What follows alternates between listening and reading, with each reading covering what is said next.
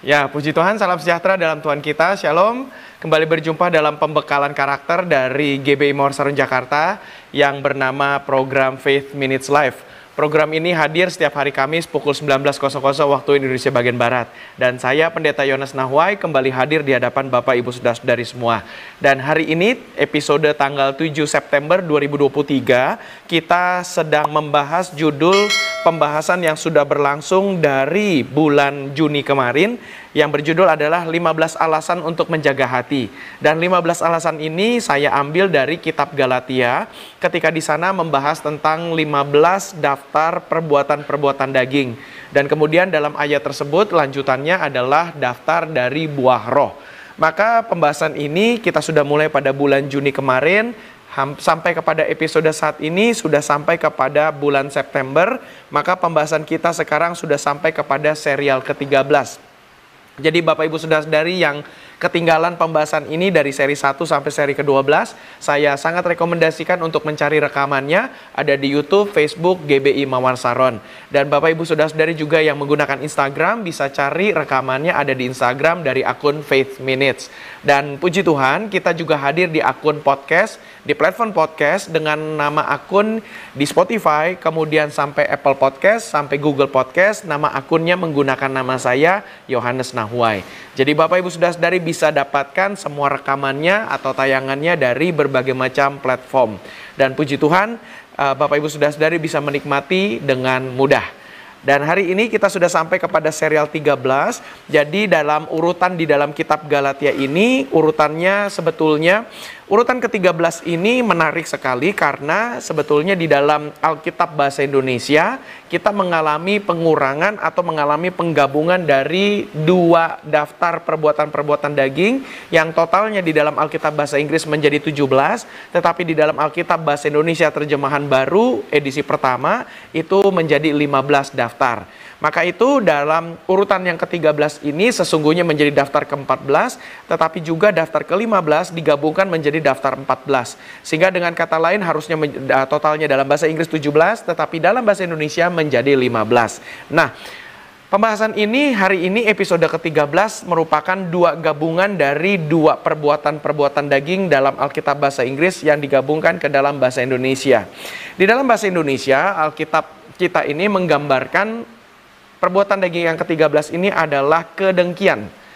Nah, kalau kita lihat di dalam Alkitab bahasa Inggris, kedengkian ini dipisahkan dengan poin berikutnya yaitu adalah murders, pembunuhan. Jadi Bapak Ibu sudah sadari saya menarik atau saya tertarik ketika melihat kenapa Lembaga Alkitab Indonesia menggabungkan dari kata kedengkian dengan pembunuhan. Maka itu kalau kita bisa lihat di dalam teks aslinya dari Alkitab bahasa Inggris kata pembunuhan ini adalah ponos. Nah, kata ponos ini sebagai kata dasar dari pembunuhan yaitu adalah murder, slaughter, kemudian killing. Nah, makanya dari definisi itu kita bisa lihat kalau dari kata murder yaitu pembunuhan, slaughter artinya pembantaian, kemudian killing yaitu membunuh orang. Yaitu sama saja seperti murder, pembunuhan.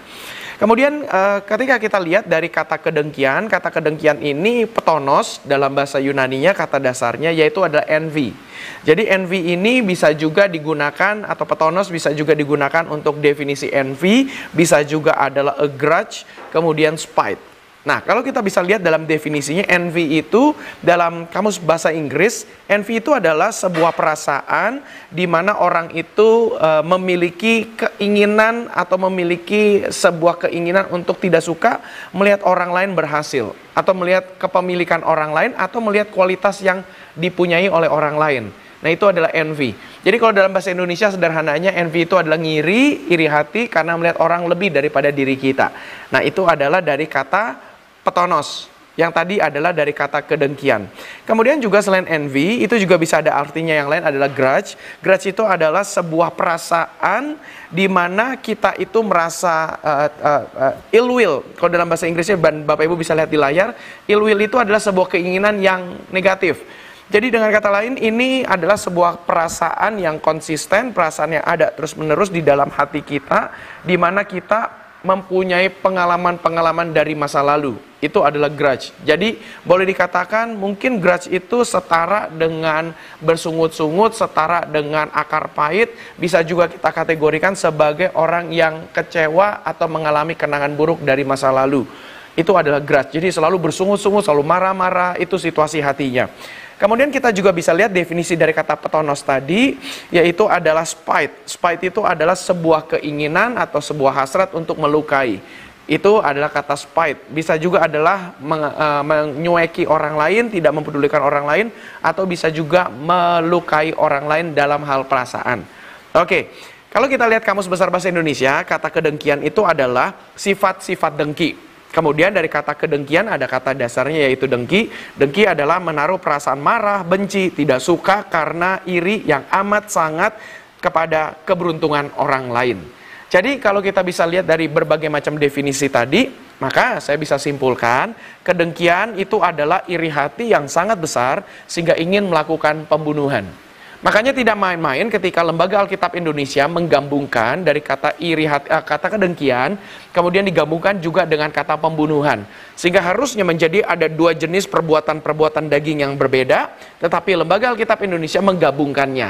Jadi dengan kata lain saya bisa sampaikan kepada kita semua bahwa ketika kita melihat serial ke-13 ini alasan ke-13 mengapa saya dan Bapak Ibu Saudara-saudari perlu menjaga hati karena hati adalah sumber kedengkian. Nah, kedengkian yang dimaksudkan di sini adalah kita sangat iri hati, kemudian ingin melakukan pembunuhan. Misalnya, memang kita sebagai orang Kristen tentu apalagi kita sebagai orang yang ada di Indonesia negara dengan hukum yang berlaku, maka tentu kita tidak bisa membunuh orang sembarangan. Tetapi sesuai dengan anjuran firman Tuhan di mana Tuhan Yesus berkata barang siapa sudah meng, e, membenci saudaranya di dalam hatinya, maka dia sudah membunuh saudaranya itu di dalam hatinya. Sama juga ketika Tuhan Yesus berkata di lain kesempatan, barang siapa melihat wanita dan mengingininya, maka dia sudah berjinah di dalam hatinya.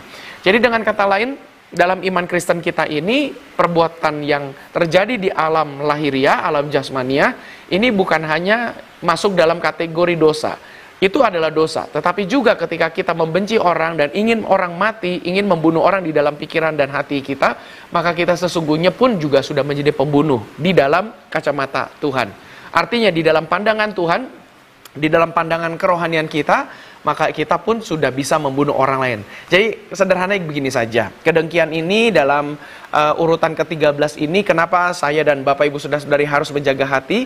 Karena hati adalah sumber kedengkian. Di dalam hati kita kita melihat orang lain berhasil, kita menyumpai untuk orang itu tidak berhasil. Itulah kedengkian. Kita melihat orang sukses, kita melihat orang lebih terkenal, kita melihat orang followernya lebih banyak, kita jadi iri hati, kemudian kita menyumpai, ah pasti juga dia bukan orang sempurna, ah pasti dia juga nggak ada uh, ada ada kesalahannya kok. Nah, makanya dari gambaran seperti ini masuklah ke dalam kata kedengkian. Maka itu Bapak Ibu sudah sadari langsung saja ada empat sifat-sifat kedengkian yang bersumber dari hati. Yang pertama, perasaan ingin memiliki kepemilikan orang lain.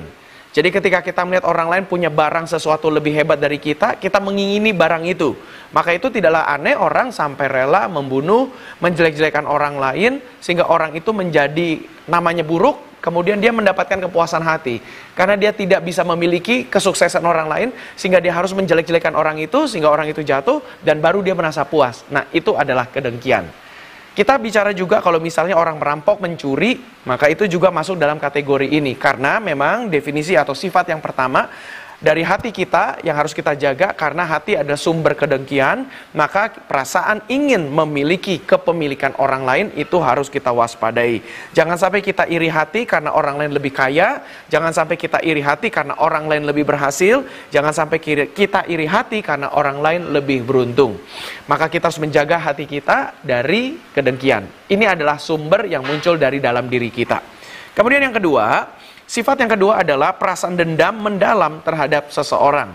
Bisa saja kita ini memiliki pengalaman di masa lalu, misalnya contoh kita direndahkan orang di masa lalu, lalu kita dendam kepada orang itu dengan berkata nanti ya, tunggu lihat ketika aku sudah hebat, aku sudah dewasa, aku akan pamer di depan engkau. Nah ini adalah perasaan dendam yang mendalam terhadap seseorang, masuk dalam kategori kedengkian.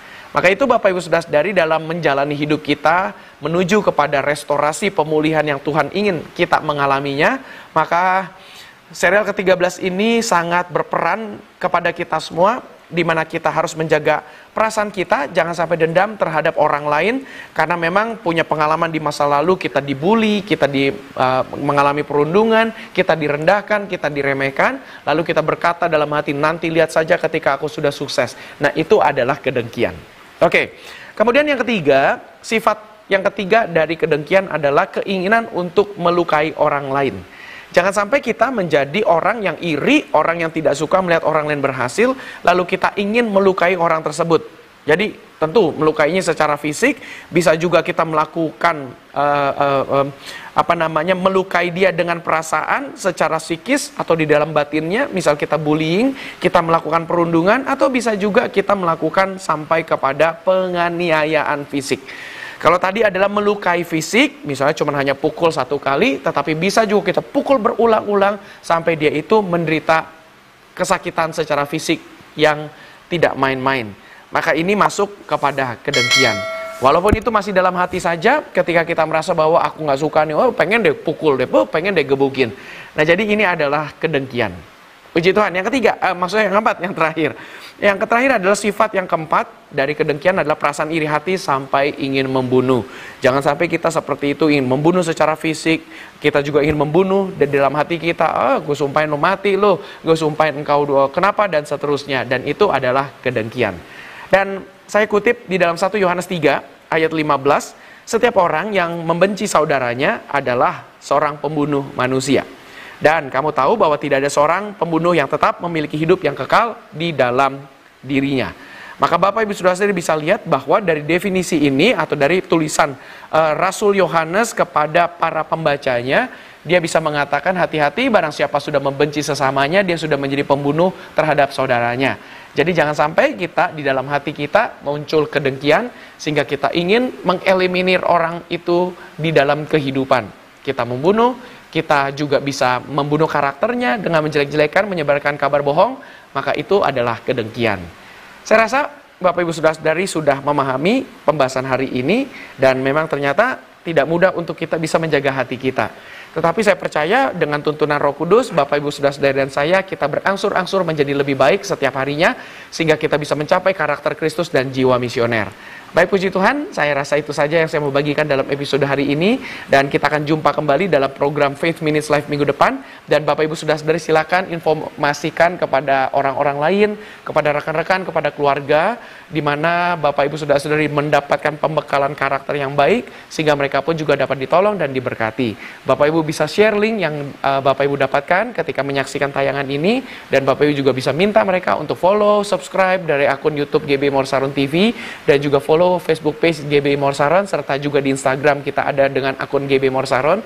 Tetapi untuk program pembekalan karakter Faith Minutes Live kita hadir dengan akun di Instagram dengan akun yang bernama Faith Minutes.